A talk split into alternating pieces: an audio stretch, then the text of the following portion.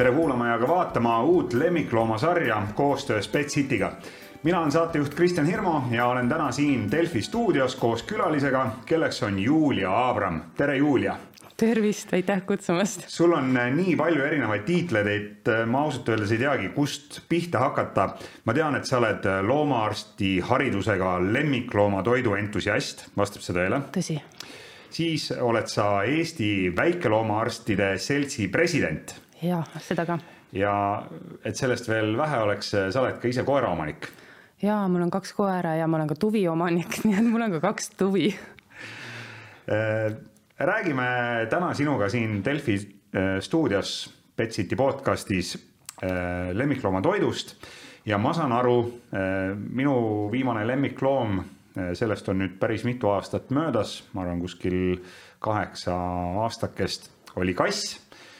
Ja ma mäletan, et meie kass sõi hea meelega krõbinaid ehk rahvakeeli öeldes krõbuskeid.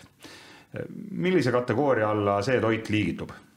no ta on selline kommertskuiv toit, aga eks neid äh, erinevaid toitusid tänapäeval on nii, nii, nii, nii, nii, nii palju ja, ja see on ka põhjus, miks me täna ju siin oleme, et rääkida nendest erinevatest kategooriatest ja, ja millal mida eelistada, sest et see see maailm on kirju ja see tekitab inimestes segadust ja valesti mõistmist ja mida rohkem on erinevaid arvamusi, seda rohkem on ka igasuguseid konspiratsiooniteooriaid no ma mäletan, mäletan seda, et äh, kui kassile sai neid kõrvinaid antud, siis ta harjus neid sööma ja siis ta sõi neid. aga vahepeal tahtis ta midagi muud ka ja ma mäletan näiteks meie kassile maitses väga selline imelik asi nagu melon, mida kassi puhul ei eeldakski. et äh, ma ei tea, kas see oli siis tal lihtsalt kuidagi selline väike kõrvalekalle, aga aga me teame ju kõike, noh, see on klassika, et äh, kassid söövad kala, koerad söövad liha ja nad on seda harjunud ka siis nii-öelda täitsa toorest peast sööma. et äh, kas sellist toitu võib ka lemmikloomale anda? ei no võib muidugi, kui omanik seda tahab, aga naljakas, et vaata see stereotüüp, et kassid söövad kala ja koerad söövad liha ja seejuures kassid on ju kõrbeloomad, kus kohas kõrbes oli kala no, et ei ole. me oleme et... kõiki neid äh, lastelaule no, kuulnud, kuidas kass on... käib jõe ääres ja käpaga ja... endale kala püüab. ei no eks ka kass õpib, eks ole, kui kass on näljane, siis kass jahib, aga jah. sealt see ilmselt ka tuleb. aga tegelikult äh, meie tänase vestluse põhiteema on siis jah, ütleme siis äh, tehase toit ehk siis koerte puhul, kasside puhul näiteks krõbinad, konservid ja sinna kõrvale toortoit mm. -hmm. räägi palun, Julia, paari sõnaga, et mis on, mis on see toortoit, mida loomadele antakse, lemmikloomadele? ja me just mõtlesimegi, et võtame sellised kaks äärmust ja hästi oluline on see, et me ei vastanda neid, vaid me räägime ühest ja teisest. ja kuna toortoit on hästi niisugune populaarne trend tänapäeval ja on näha, et see järjest kasvab, mitte ainult Eestis, vaid üle, ülejäänud maailmas ja siis see trend tuleb Eestisse ja, ja ma näen, et sellest räägitakse hästi palju, aga seejuures äh, jäetakse mõned kohad nagu rääkimata. või, või lihtsalt ei pöörata nendele nii palju tähelepanu, mis kokkuvõttes tekitab hästi palju segadust ja, ja seejuures võib-olla räägitakse hästi palju kuivtoidu või nagu selle kommertstoidu vastu äh, argumente, mis jälle ajavad selle omaniku nii segadusse, et ta lõpuks ei tea, mida oma lemmikule anda ja kui me räägime toortoidust, siis toortoit on siis äh, selline trend, kus pakutakse lemmikloomale äh, kas äh, lihaseliha, erinevaid rupskeid, siseorganeid, vahel pannakse sinna juurde puuvilju, köögivilju ja, ja antaksegi kõike seda just toorelt, mitte ei küpsetata seda läbi et see ei ole siis ei küpsetatud ega keedetud, vaid täitsa toores liha? täitsa toores liha ja selline, nii nagu ta külmkapist või sügavkülmast tuleks, et sellisena seda no, kantakse. sellel ajal, kui inimene koera näiteks kodustas, see oli mm, -hmm. ma ei tea. kolmkümmend viis tuhat aastat tagasi. mitu, mitukümmend tuhat aastat tagasi eh, siis ilmselt eh, krõbinaid ja konserve kuskilt võtta ei olnud ja koerad ilmselt sõidki toorest liha sellel ajal no selle ümber käib nagu hästi palju sellist spekuleerimist, et mida see koer siis tegelikult sõi ja on tehtud uuringuid äh, näiteks Aafrika koertega tänapäeval ja ka uuriti, mida nad siis söövad, sest millegipärast on see hästi tugev eeldus, et nad söövad liha, hästi palju liha, nad tulevad hundist ainult, ainult liha ja, ja tänapäeval me teame, et see ei ole enam tõsi. ja kui me vaatame seda kommertstoidu poolt, siis see ongi hästi-hästi värske, see on ju mingisugune viimased paarsada aastat, kui ta on üldse toimunud ja see areng on olnud meeletu.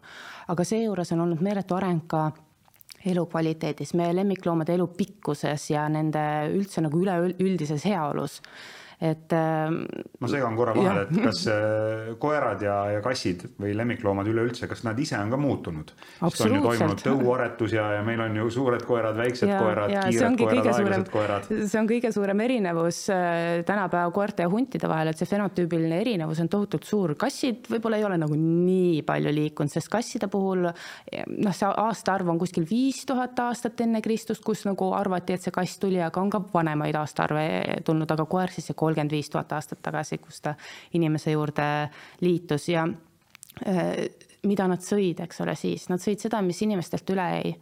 Ja ütleme nii, et need inimesed, kes võitlesid ise ellujäämise nimel, siis vaevalt, et nad oma koertele väga seal mingisuguseid paremaid palaseid lihatükke andsid, et tõenäoliselt äh, need hundid, kes tulid inimeste juurde, nad tulid ju sellepärast, et inimeste käest oli kergem midagi saada. sul on palju kergem inimese äh, selja tagant ära virutada mingisugune asi toidupoolis, kui et minna seda mingit piisonit taga ajama. ja nii, et see piltlikult öeldes see paluke, mis laua alla kukkus, see läks siis see sellele esialgsele koerale? no oleneb, mis perioodist me räägime räägime, aga jah, ja, ja paratamatult võis väga atraktiivne olla ka välja nendele huntidele inimeste väljaheide. et, et see on siiamaani niisugune tore proteiiniallikas neile, et selle, seda on nagu naljakas rääkida, aga, aga see on nagu koertele ja huntidele, see on tavapärane söök tollel ajal kindlasti. Hmm. Ja, ja kui me vaatame natuke nagu seda nagu tänapäeva, siis needsamad Aafrika metsikud koerad, et nendel oli number üks, nad sõid mingisugust putru. Äh, number kaks oligi võib-olla mingisugune kondid või mingisugune lihateema ja seal oli kindlasti väljaheidet ja, ja issand, mingisugune. siis on täitsa arusaadav, miks äh, osad koerad, kui nad nii-öelda saavad jooksu, nad otsivad esimese sõnniku hunniku ja kaevuvad sinna sisse. no seal on ka erinevaid põhjuseid, miks nad niimoodi teevad, aga aga see võib olla üks, et äh, nad on nii-öelda siis kuskil oma ajus selle talletanud, et on isegi seal on, seal on erinevaid põhjuseid, miks nad neid väljaheiteid söövad, aga see, see ei ole tänase saate teema. aga millised need trendid praegu lemmikloomamaailmas üldse on, et, et kas toimuvad mingid äh, nii-öelda suunamuutused. Ja et, et... suunamuutused on ja, ja need trendid liiguvad hästi palju vastavalt sellele, mis inimtoidumaailmas toimub.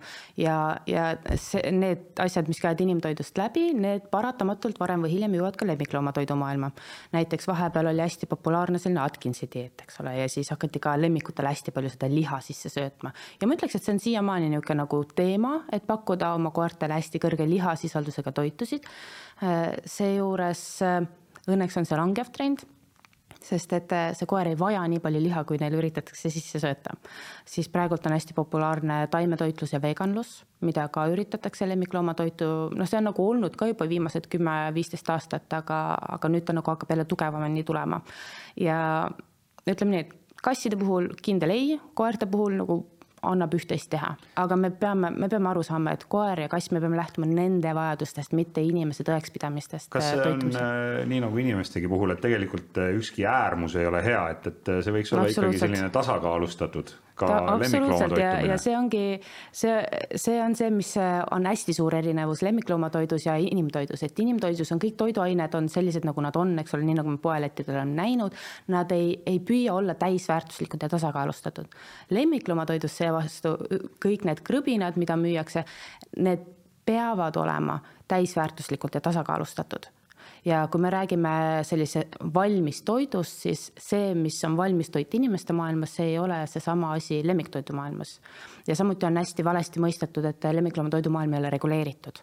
oh jumal, kui palju seal on seadusandlust, see on üle üle viiekümne kahe erineva seadusandluse, mis reguleerib lemmikloomatoitu ja suur osa nendest on äh, igasugune markeerimine, see, milline lihakeha võib minna üldse lemmikloomatoidu sisse, et seal on nagu nii palju neid erinevaid äh, etappe, et see on mõnes mõttes isegi rangemalt reguleeritud, kui on inimtoidumaailm. et see mingi nii-öelda kuulujutu tasemel ringi liikuv müüt, et loomatoitu tehakse jumal teab millest, kõigest sellest, no, mis, mis üle jääb. seda teed, siis tõenäoliselt tehaksegi jumal teab millest, mitte kõik omanikud, eks ole. aga kui me räägime kommertstoidust, mis on lugupeetud firma tehtud, siis äh, seal on väga ranged kontrollid ja ma tean juhust, äh, mida rääkis mu kolleeg, kes töötab ühes sellises ettevõttes ütles, et tuli, tuli tehase juurde toortoiduveok, toortoidu jah, veok, millel tooraine ja tooraineks oli kas mais või hernes või midagi sellist. ja siis äh, lemmikloomatoidufirma lükkas selle tagasi, ütles, et see ei vasta nende standarditele, autojuht oli, oo, ma viin selle siis sinna, teate küll, humaan sinna konservitehasesse ja seal võeti vastu, polnud probleemi. et, et see kõik oleneb sellest, milline on see firma ja millised on eetilised äh, siis tõekspidamised selles ettevõttes ja teine trend siis, nagu sa juba mainisid, lemmiklooma omanike hulgas levib loomade käest ei saa keegi küsida, sellepärast mm. et nemad ei oska meile vastata, võib-olla nad hääletavad, kui panna kaks kaks kaussi kõrvuti, et, et ühes on siis nii-öelda tehase toit ja teises toortoit. räägi sellest toortoidust veel natukene, ma sain juba aru, et, et see on siis toores liha, aga ka köögiviljad. Sinna pannakse jah köögivilju, oleneb jälle nüüd veendumusest, sest selles toortoidus on ka erinevaid suundasid, on selline saagipõhine suund, kus sa annadki lihtsalt nagu enam-vähem küüliku ette või kana ette ja siis see ongi kõik, mis selle, mis see koer saab.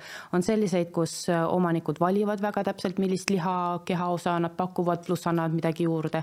On selliseid, kus äh, omanik annabki kanapäid ja kanajalgu ja noh, kõik hästi segamini erinevaid asju, et et äh, põhirõhk on sellel, et sellist teraviljalist poolt on minimaalselt, hästi palju on liha poolt ja hästi palju on sellist värsket ja toorest.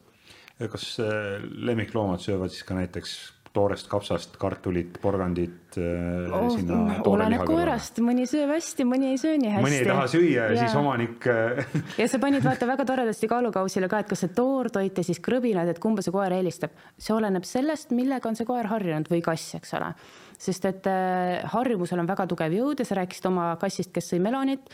see ei ole tüüpiline asi, mida kass sööb, aga tõenäoliselt selle kassi ema sõi melonit, nii et see kassipoeg nägi, et see on okei okay süüa ja siis ta otsustas oma peas, et see on okei okay.. no vot ei tea jah, tegemist oli tänavalt äh, üles korjatud kassipojaga, nii et. siis ma kahtlen, kas ta melonit on elus näinud, aga vot see on see või siis ta võttis sind kui oma nagu ema ja ta nägi, et sina sööd ja see on nagu okei okay., sest et kasside ja koerte psüühika on hästi niisugune põnevalt üles ehitatud aga kui me nüüd räägime sellest äh, toortoidust ja no räägime siis kuivtoidust mm, -hmm. krõbinatest, aga ka konservist, siis äh, kas äh, üks või teine on hea või, või teine ja esimene on halb?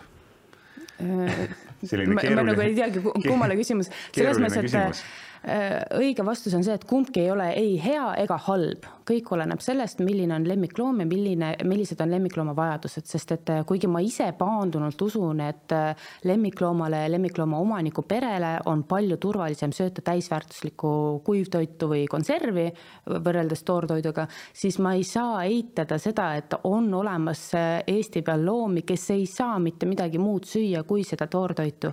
et neil ongi nagu selle peal väga hea olla ja minu probleem on pigem selles, et äh, mõned väga niisugused paandunud toortoidu usku inimesed äh, kipuvad vahel natuke nagu liiga palju peale push ima seda, et, et see kuivtoit justkui tapab lemmikut.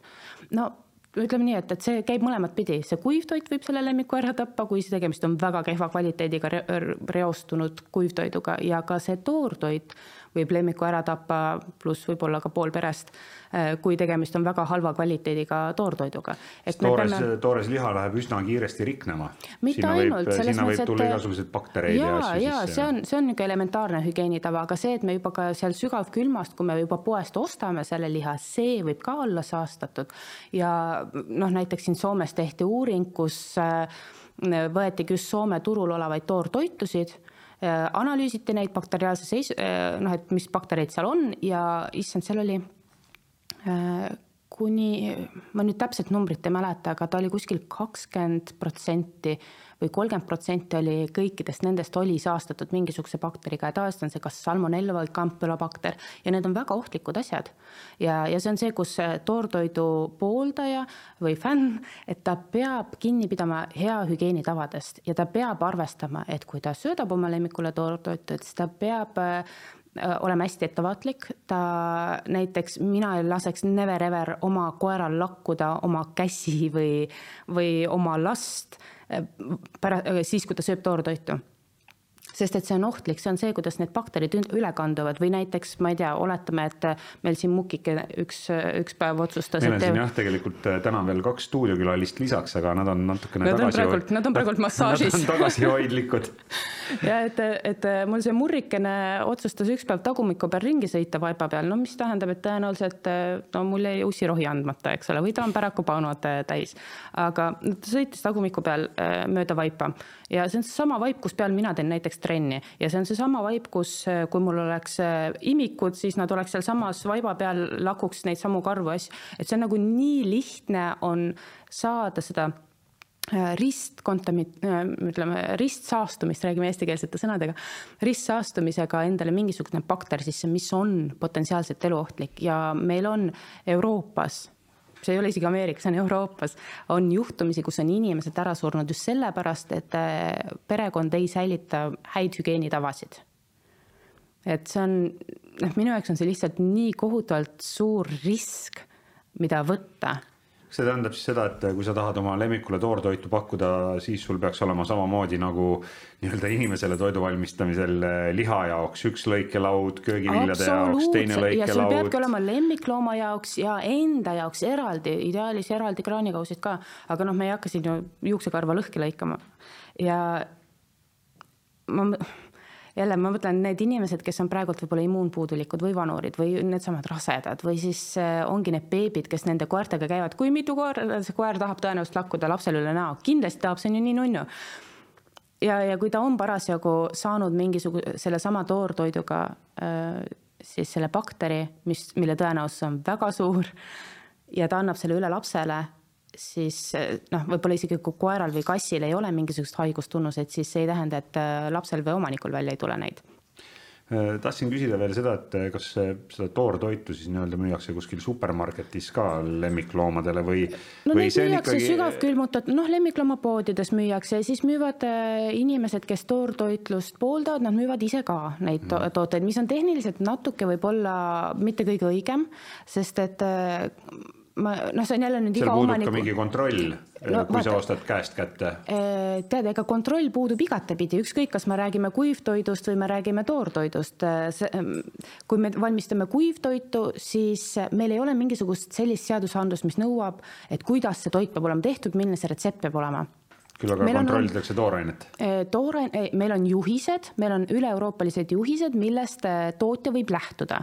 aga tootja ise vastutab oma toote eest, nagu mina vastutan oma töö eest, sina vastutad oma töö eest, keegi ei kontrolli. ja kui vas-, eh, kui see tootja ise kontrollib, siis on kontroll, aga kui ei kontrolli või ei tea, et ta peaks kontrollima, sest et on ka selliseid asutusi, vot siis tekivad probleemid ja ma, need koduköökides valmistavad, et miks ollakse nii karmid nende suhtes, et miks ei lubata koduköökides igasuguseid torte, asju teha, et peab olema eraldi luba selle jaoks. just see ohutus on see, mida me taga ajame. et ehm, noh, kuidas sa tagad ohutuse, kui sul puudub sellealane väljaõpe? oskad sa nimetada siis ka, et, et kui palju näiteks Eestis on mingeid juhtumeid, mis on seotud lemmikloomade ja just sellise valesti käideldud toortoidu või, või, või saastunud toortoiduga? Äh, ma ei oska sulle seda öelda, sest et ma ei ole päris kindel, kas neid asju raporteeritakse, sest et näiteks ma ei tea, sa nii armastad siin Aasia toitu või India toitu, mis sa rääkisid? Äh, no mulle maitseb näiteks India toit. India toit näiteks, vaata kui sa India toidu restoranis äh, saad kõhugripi või mingisuguse toidumürgituse, et kui suur on tõenäosus, et sa lähed äh, kas PTA-le või, või kellelegi kaebama? hea, kui sa sinna restorani helistad, et kurat, mis teil mis teil seal toimub, on ju ja, ja lõpuks, ega seda on ka väga keeruline tõestada, et sa just sealt selle said. no täpselt. sest äh, sa võisid selle saada ka ühistranspordist või, või kust no, iganes. no kui sa jah niimoodi näpid ja, kätega ja mingit bussi ja, ja siis äh, selle samaga nokid endal silma või, või supermarketis ostujärulakud näiteks. mida täpselt. lapsed väga tihti ja, teevad, eks ole. et, et see on, see on hästi põnev, noh kuhu ma tahan jõuda, on see, et jah, toortoidul on omad niisugused ohud, millega tuleb arvestada, aga see ei tähenda, et, et seda ei tohiks üldse tarbida ja samamoodi ma tahan, et inimesed ei kardaks tarbida kuivtoitu, sest et see, see selline nagu väide, mida paljud toortoitlased kasutavad, võib-olla äärmuslased kasutavad, et kuivtoit tapab lemmikuid, ei tapa. ja seejuures puudub ka toortoidul mingisugune teaduslik alus või tõestus, mis, mis kinnitaks seda, et see on päriselt ka parem, kui oleks kuivtoit. sest et äh, fakt on see, et meil on kuivtoidu peal elavaid lemmikuid, kes äh, elavad siin kahekümne aastaseks, meil on toortoidu peal olevaid lemmikuid, kes elavad väga vanaks. Ja meil on kuivtoidu peal olevaid lemmikuid, kes elavad võib-olla kutsika ikka ja siis saavad otsa. Ja samamoodi on toortoidu puhul. Et me lihtsalt peame lähenema hästi ratsionaalselt sellele ja mitte hirmutama, sest et äh, vastavalt sellele, millises keskkonnas me elame, sellist infot me ka saame. kui me elame keskkonnas, kus kõik räägivad ainult toortoidust, siis me hakkamegi toortoitu pakkuma. kui me elame keskkonnas, kus räägitakse õigeusust, siis me hakkame õigeusku uskuma, on ju. ja, ja meid nagu seejuures õpetatakse ka seda teist poolt nagu kartma natukene või siis olema natuke nagu selle vastu, sest et see on võõras, on ju no kui toidust rääkida, siis äh, inimeste puhul on äh, väga suur mõjutaja ka maitse ja kas ei ole nii, et, et söö seda, mis maitseb kas lemmikloomale ei võiks ka siis anda seda toitu, et eh, ma ei tea, või, või kombineerida või oleneb. täna annan, täna annan talle toorest liha, homme annan talle krõbis, krõbuskeid? mina ei poolda väga sellist eh, tugevat vahetust, sest et koerte ja kasside soolestik on oluliselt, oluliselt lühem kui inimeste oma. ja kui me võtame selle soolestiku, siis ta on niisugune nagu lihtne tehas, seal on lihtsalt töömehed, igaüks teab, mida tema tegema peab, mida ta peab lõhkuma. ja kui on stressiolukord kus töömeestele antakse kas liiga palju tööd või liiga vähe palka, siis nad flipivad ära, on ju ja öö, oletamegi niimoodi, et me oleme see omanik, kes vahetab kogu aeg toitusid, anname ühte toitu, teist toitu, siis on poisid on niisugused, et seal lõhuvad oma, teavad täpselt, mida tegema peavad, iga osakond lõhub oma toitainet.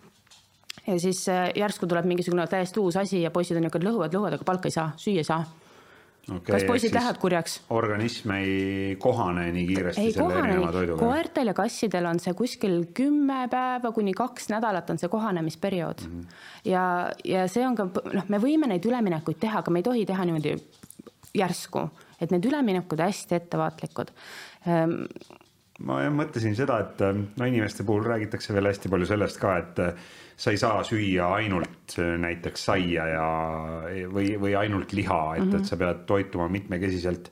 et kui mitmekesine see toortoit on äh, võrreldes siis näiteks äh, kuivtoidu või seda oleneb sellest, mida antakse ja küsimus minu jaoks kui toitumisentusiasti jaoks ei ole see, kui mitmekesine see toit on. või et kas ta saab selles, sealt kas ta saab kõik, mida ta vajab, sest et ma ei tea, Kristjan, kas sina tead, kui mitu erinevat toitainet üks koer ja kass vajavad päevas? Tead, ma ei tea isegi, kui palju inimesi kui palju, inimene, vajab. neid erinevaid toitaineid no,, noh, eks ju, rasvad, valgud, süsiveesikud. jaa, aga need on makrotoitained, veel on mikrotoitained, eks ole, siis need toitained. Et äh, kasside puhul on üle neljakümne, koertel on kuskil kolmkümmend seitse erinevat see tähendaks siis seda, et see toortoidu iga... taldrik peaks olema selline sekser, kus on kolmkümmend seitse erinevat toodet. ei no see ei ole niimoodi, me vaata, me ju ei söö neid koostisosi, me sööme neid toitained, mida need koostisosad meile annavad ja küsimus on, kas need äh, toitained äh, on sellised, mis meile imenduvad ja kas me saame neid kasutada või mitte, sest et noh, ma ei tea, küünlarasv on ka rasv see ei tähenda, et me saame seda kasutada kvaliteetse rasvana oma kehas, on ju. ja, ja nüüd ongi küsimus nendes äh, toitainetes, mida me selle toiduga saame. sa küsisid, et kas see toit peab maitsema.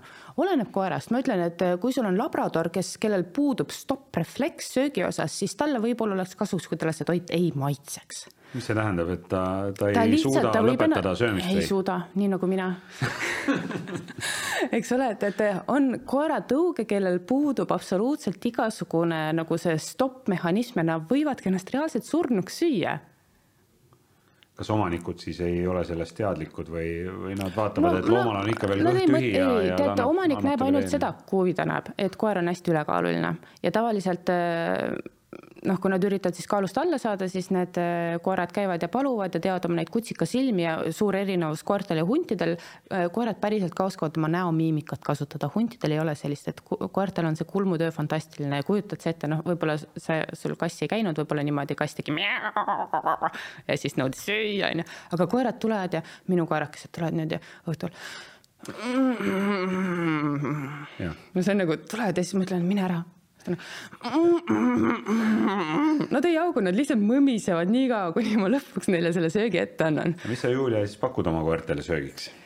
no nagu ma ütlesin, kuivkrõbinaid, aga äh, minu jaoks on oluline, et see oleks täisväärtuslik ja tasakaalustatud toit ja kuidas et... leida see täisväärtuslik ja tasakaalustatud toit, sa lähed, no sa lähed lemmikloomapoodi mm, -hmm. sa lähed Pet City'sse, teil on seal riiulid, riiulite kaupa, siis on, noh, ma saan aru, seal on erinevad tõud, eks ju, siis on mm -hmm. erinevad äh, vanused, lemmikloomal on kutsikatoit. ma ütleks, et sa oled juba toit. nagu keskmisest no, targem lemmiklooma omanik no,. eks ma, eks ma kassiomanikuna natukene olin selle maailmaga ikkagi ka kursis, aga, aga tõesti neid tootjaid ja brände on palju ja, ja, ja siis sa lähed, siis sa lähed veel supermarketisse, seal on veel üldse mingid kolmandad mm -hmm. ja neljandad tooted, et kuidas see lemmikloomaomanik selle õige tasakaalustatud ja, ja selle täisväärtusliku toidu siis üles leiab? ja no õnneks Euroopa Liidus kõik, mis on kuivtoidud, äh, on reeglina täisväärtuslikud, aga siin on see seadusandluse pügal peal, et äh, kui sul on täisväärtuslik toit, siis sa pead seda ka pakendile kirjutama. kui sul ei ole täisväärtuslik toit, siis sa ei pea seda pakendile kirjutama. ühesõnaga tuleb otsida pakendit, mille peal on kirjas, et ja, see on täisväärtuslik. seejuures, seejuures peab arvestama tõlkevigadega, mida ma olen piisavalt palju Eesti turul näinud, et, et näiteks oli üks kassiteine kotike, omanik küsis täisväärtuslikku heinekotikest, noh, käisime vaatamas, võtsin ühe ette, vaatan, et noh, see on küll lisandsööt. siis niimoodi nokkisin seda ingliskeelset juttu, täisväärtuslik et tõlkes oli ka nagu osa infost kaduma läinud, aga mis see. lisandsööt? lisandsööt, väga hea küsimus, see on siis äh, üks osa toiduratsioonist, äh, millega sa siis äh, see on nagu ainult üks osa, näiteks inimeste puhul näiteks sa ostad poest ainult liha, aga köögiviljad, pudrud, muud asjad sa pead ise endale juurde tegema. ja seda kasutatakse tihti ka näiteks maiustena, et on sellised konservid, mida sa võid maiusena anda. aga jälle need omanikud, kes ei tea, et tegemist ei ole täisväärtusliku söödaga, mis tähendab, et seal ei ole kõiki vitamiine, mineraale õigetes vahekordades. küll aga maitseb väga aga hästi küll lemmikule. aga maitseb väga hästi lemmikule. et ja nad kipuvad ainult söötma sellega ja, ja tekib probleeme eriti kassidel, kes on näiteks, kes vajavad väga tauriini ja nad ei pruugi seda saada sellest, ainult sellest konservist, kui see ei ole täisväärtuslik nii et noh, vähemalt selle jutu põhjal mulle tundub, et justkui nagu kindlam ja, ja võib-olla isegi pisut ohutum oleks ikkagi eelistada siis seda täisväärtuslikku ja ja kuidas see oli tasakaalustatud? tasakaalu ja ütleme, ükskõik kummas suunas see omanik siis läheb, kas ta läheb selle toortoidu suunas või ta läheb kuivtoidu suunas, et valigu oma lemmikule esiteks, et oleks kas kassi või koeratoit vastavalt sellele, mis, mis, mis liiki loomaga tegemist on, õigele vanusele, et kas ta on äh, kutsikas kassipoeg, täiskasvanud eakas, äh, võiks vaadata ka siis niisuguseid erivajadusi, et kas tegemist on ülekaalulise loomaga, steriliseeritud loomaga, kas tal on tundlik seedimine või äkki on nahaga mingisugused probleemid, annab jälle niimoodi võimalikult täpselt sihtida. et äh, ja toortoidu puhul samamoodi, kui teile see kasvataja või keegi teie selline usaldusisik soovitab toortoitu, et kindlasti küsida väga detailset retsepti. sest ma just et, tahtsin sinna jõuda, et, et kas on kuskil ka mingid retseptid? ei ole, see ongi probleem, et seda retsept on umbes no võta üks kolmandik seda, üks kolmandik teist, üks kolmandik, võta koera kaalust nii mingi protsent ja millegipärast on niisugune eksiarvamus, et kui sul on loom toortoidu peal, siis ta ei või olla haige või ta ei või olla ülekaaluline. sest et nad ju läigivad aga läigivad nad reeglina sellepärast, et nende toidus on hästi palju rasva mis ka täidab, eks ole, kõhtu, aga seejuures see võib ka lemmiku ülekaaluliseks teha. ja kui näiteks äh, tuua siia paralleel kodutoidust, sest et mul on ikka uuring äh, taustaks, äh, mis tehti nende retseptide peale, et see on üks kõige ulatuslikum uuring, mida on üldse lemmiklooma kodusest toidust tehtud võeti kakssada erinevat retsepti internetist, raamatutest, veterinaarraamatutest, isegi toitumisspetsialistid nagu suure tähega spetsialistid olid neid retsepte koostanud ja nad analüüsisid seda, et kas selles toidus on kõik olemas, mis äh, toidus olema peab. no kõik need äh, mikro- ja makrotoitained, kõik need nelikümmend toitainet ja mis selgus, üheksakümnel protsendil oli puudu vähemalt üks toitaine. Äh, kaheksakümnel protsendil oli viis ja kõigist sellest kahesajast protsendist või kahesajast retseptist ainult neli olid sellised, kus oli kõike ideaalselt.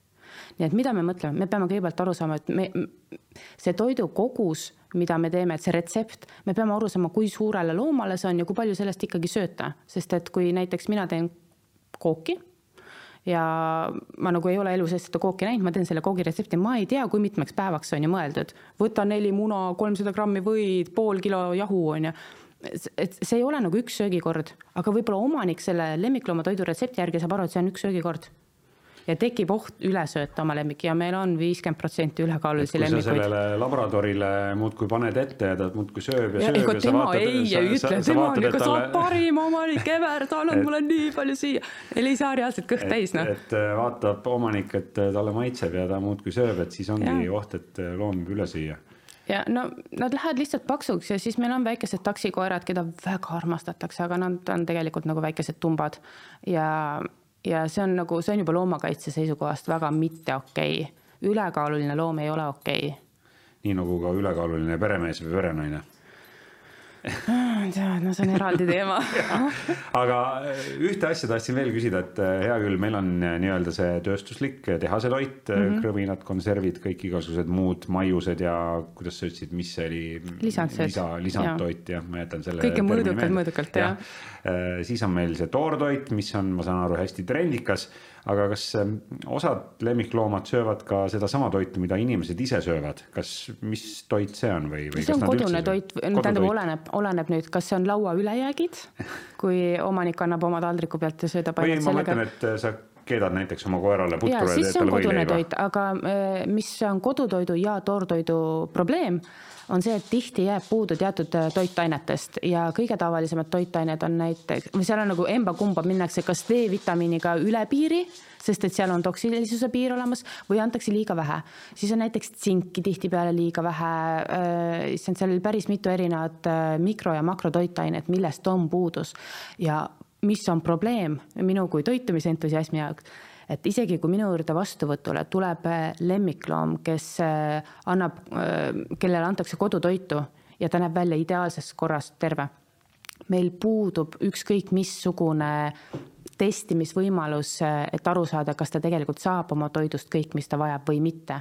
sest et vereanalüüsid reeglina seda ei näita, keha on, oskab väga hästi niimoodi ära tasakaalustada seda on olnud olukordi, kus me näeme patoloogilisi luumurde, näiteks kutsikatel, keda söödetakse siis kas koduse toidu või toortoiduga ja ei anta piisavalt äh, õigetes koguses vitamiine ja mineraale juurde, siis nende luud muutuvad hästi hõredaks. verepilt täiesti okei okay. ja lõpuks tulebki lihtsalt selle patoloogilise luumuruga ja siis teed röntgeni, vaatad, et luukere, luustik paistab lihtsalt läbi. et äh, ma saan aru, et siis selle kuivtoidu või konservi puhul sellist probleemi ei teki, et, et lemmikloom ei saaks oma vitamiine no, ja neid mineraalaineid võib ikka tekkida, see ongi see kõige hullem, et see võib tekkida jällegi, kui sul on tootja, kes ei ole väga eetiline, kes Äh, noh, ei jälgi. vajalikul kogusel no, D-vitamiini või mitte midagi. ainult vajalikul, kas see omistub sellel loomal, sest et mõned äh, firmad teevad ka loomkatseid, mille abil sa, ja need on hästi eetilised ja toredad loomkatsed, ma tahan ise olla see katsealune, kui ma pensionär olen seal, seal selles katselaboris. et äh, Nad teevad katseid loomadega, et aru saada, kui palju nad ära söövad seda toitu, kas nad söövad selle koguse ära, mis neile on ette nähtud ja kas see imendub Nad no, mõõdavad sitta. organism omastaks selle. ja, nad mõõdavad ja. selle väljaheite kogust ja teevad analüüsprofiili, et, et kas see, mis sealt välja tuleb ka, noh, mis sealt välja tuleb, et selle järgi siis hindavad seda, kui palju imendus ja, ja seedus. ja kõik seda, kõik tootjad ei tee seda, sest see on kallis ja see hakkab mängima selle toote hinnas ja siis jälle küsitakse, et miks need brändid on nii kallid, nii kallid, no mõttetu, kõik seesama üks ühes pakendis. aga see, see katse, see on kindlustunne kas sul see auto turvapadi läheb lahti avarii korral või ei lähe lahti? autodel on selles suhtes ju selge, et, et tehakse neid katseid ja, ja, aga võib-olla kellelegi ei tehta. tärne, eks ju. näiteks, näiteks laste turvatoolid on turvatoolid, mis maksavad sada eurot, samas tehases tehakse kui seesama need hästi kallid turvatoolid, aga vot katseid ei ole all samas tehases tehakse. no see on veel üks äh, selline. eraldi teema. paradoks, paradoks, et tahaks head ja odavat, et siis ja. tuleb kaks toitu osta, et tuleb osta hea toit ja odav toit ja odava viskad lihtsalt minema. no umbes niimoodi jah, et äh, jah, see teema on niisugune nagu võrdlemisi lõputu ja hästi-hästi põnev. no me oleme Julia sinuga siin peaaegu pool tundi juba rääkinud, aga nüüd on ikkagi lemmikloomaomanik on nagu veel rohkem segaduses on, ja plindris jah, et, et, et äh, mille järgi ta siis seda toitu valima peab oh,? tead, kõige parem on see, et kui sul on olemas tõesti inimene, kelle käest sa saad küsida ja. oma loomaarst. oma loomaarst, aga ma ütlen, et mitte kõik loomaarstid ei fänna toitumisteemasid nii et äh, õnneks on meil Betsitis äh, selline teenus olemas, kus me pakume erinevaid nõustamisi. kas teil on tõesti oma loo, lemmiklooma toitumisnõustaja? Mina. Ja meil on ja me vähemalt üritame selle teenusega ja ma nagu ka ei, ei tituleeri ennast siin mingisuguseks suureks spetsialistiks, aga, aga mul on teatud teadmised ja ma tõesti fännan seda valdkonda ja ma üritan olla hästi neutraalne ja mitte kellegi poolt tugevalt olla või kellegi vastu. kuidas minu... see välja näeb, siis kas te teete lemmikloomale keha koostisanalüüsi ja kaalute ja mõõdate ja ei, me, nii me nagu, nii nagu inimesed, kes lähevad äh, spordisaali Tead, ja toitumisnõustaja ja personaaltreeneri juurde. selle eest maksma, siis me teeks hea meelega, et väljamaal ikka tehakse neid asju, aga meil veel mitte, et meil on hästi lihtne see nõustamine selles osas, et äh, omanik, kes tahab nõustamisele, paneb ennast Betsiti äh, koduleheküljel kirja. me saadame talle Zoom lingi ja siis kokkulepitud ajal, kokkulepitud Zoom kohas me temaga vestleme umbes nelikümmend viis minutit no,. eriti mugav, nii et ei ole isegi Jaa. vaja kohale minna. ei ole vaja. loomal ei ole stressi, vaatab lihtsalt, äh, kas Tead, ega vaata, omanikel- vaatate üle kaamera vahendusel ka olen, olen ka seda teinud, aga ega see ei ole nagu kõige parem selline analüüs, sest et me- me räägime, me räägime omaniku arusaamadest, veendumustest ja ma alati pakun välja ka mitmeid erinevaid allikaid, kust ta saab ise juurde õppida, kui ta seda tahab või lugeda. sest et ega need allikad, kust loetakse, see on see interneti rõõmud ja nuhtlus. Et infot on liiga palju, mõni info on väga hea, mõni on täis, on ju Et et, et, kuidas sa suudad aru saada? ja, ja ma ütlen siin infot. kohe äh, kõikidele omanikule, omanikele, et, et sellised saidid, kus on org lõpulised, need on organisatsioonid, kom lõpulised on kommertslikud sellised, et neid võib-olla ei tasuks liiga palju uskuda ja punkt edu lõpulised on äh, haridusasutused. nii et on mitmeid äh, haridusasutusi, mille uudiskirjaga saab liituda just toitumisaladel, alalistel ja, ja sealt saab fantastilist, fantastilist infot, mis on teaduslikult tõestatud ja mina väga-väga pooldan ja jagan seda infot. kes et- tahab, tulge, me teeme teile listi nendest saitidest. nii et äh, selle jutu sellise suure kokkuvõtte ma võib-olla teeksin ise, et, et et sa võid küll oma lemmikloomale koduses köögis koduste vahenditega ja, ja turult toodud tooraine baasil, ma ei tea, sisefileed ja, ja ökoporgandid ja kõik see, et sa võid seda toitu valmistada ja see võib olla ka täisväärtuslik ja tasakaalustatud, aga see on, aga see on, aga see on ikka väga keeruline. Väga keeruline, pigem, jah. pigem ikkagi sa ei suuda nagu nii täpselt kõiki neid koguseid ja, ja portsjoneid ja, ja no, ma ütlen, sajast üks Jah, suutis nagu täppi panna. et, et täppi panna, et, et selles suhtes kindlasti kindlam ja, ja mugavam ja lihtsam ja lemmikloomale siis ka võib-olla suupärasem on ikkagi siis nii-öelda see korralik täisväärtuslik ja tasakaalustatud puidutoit ma võtaks niimoodi veel täiendan kokkuvõtvalt, et kõige parem on see, mis sobib omaniku rahakotile, sobib lemmikule ja et kokkuvõttes meie kõigi eesmärk on see, et lemmikud oleksid terved ja õnnelikud ja nende väärikalt elatud aastaid olid maksimaalselt palju. ja, ja toidul on selles ilmselt väga-väga suur osa. on küll jah jah, nii nagu inimeselgi mm. -hmm. No teema on suur ja mm. nagu ma saan aru, siis lemmikloomaomanike hulgas kütab ka kirgi, aga võib-olla said täna meie jutuajamise käigus noh, ma ei ütleks, et natuke targemaks, vaid üsna oluliselt ja palju targemaks. aga suur-suur tänu sulle, Julia Abram. Aitäh kutsumast. sinuga oli väga põnev vestelda ja kui meie perre peaks järgmine lemmikloom tulema, siis ma arvan, et esimese asjana ikkagi kohe toitumisnõustaja juurde vaatame üle ja leiame sobiva dieedi või menüü ja, ja.... ma annan teile valiku sobivatest ja teie teete selle viimase valiku siis ja suur tänu sulle ka, kes sa vaatasid või kuulasid ära tänase Pet Cityga koostöös valminud lemmiklooma podcasti. Kõik need episoodid leiad sa Delfi taskukeskkonnast ja Delfist, Spotify'st, Apple podcast'ist, SoundCloud'ist ja teistest suurematest podcast'i rakendustest. otsi need üles, hakka jälgijaks ja nii jõuavad ka kõik uued episoodid kohe kõige kiiremini sinuni. mina olen saatejuht Kristjan Hirmu ja kohtume juba järgmises Pet City podcasti episoodis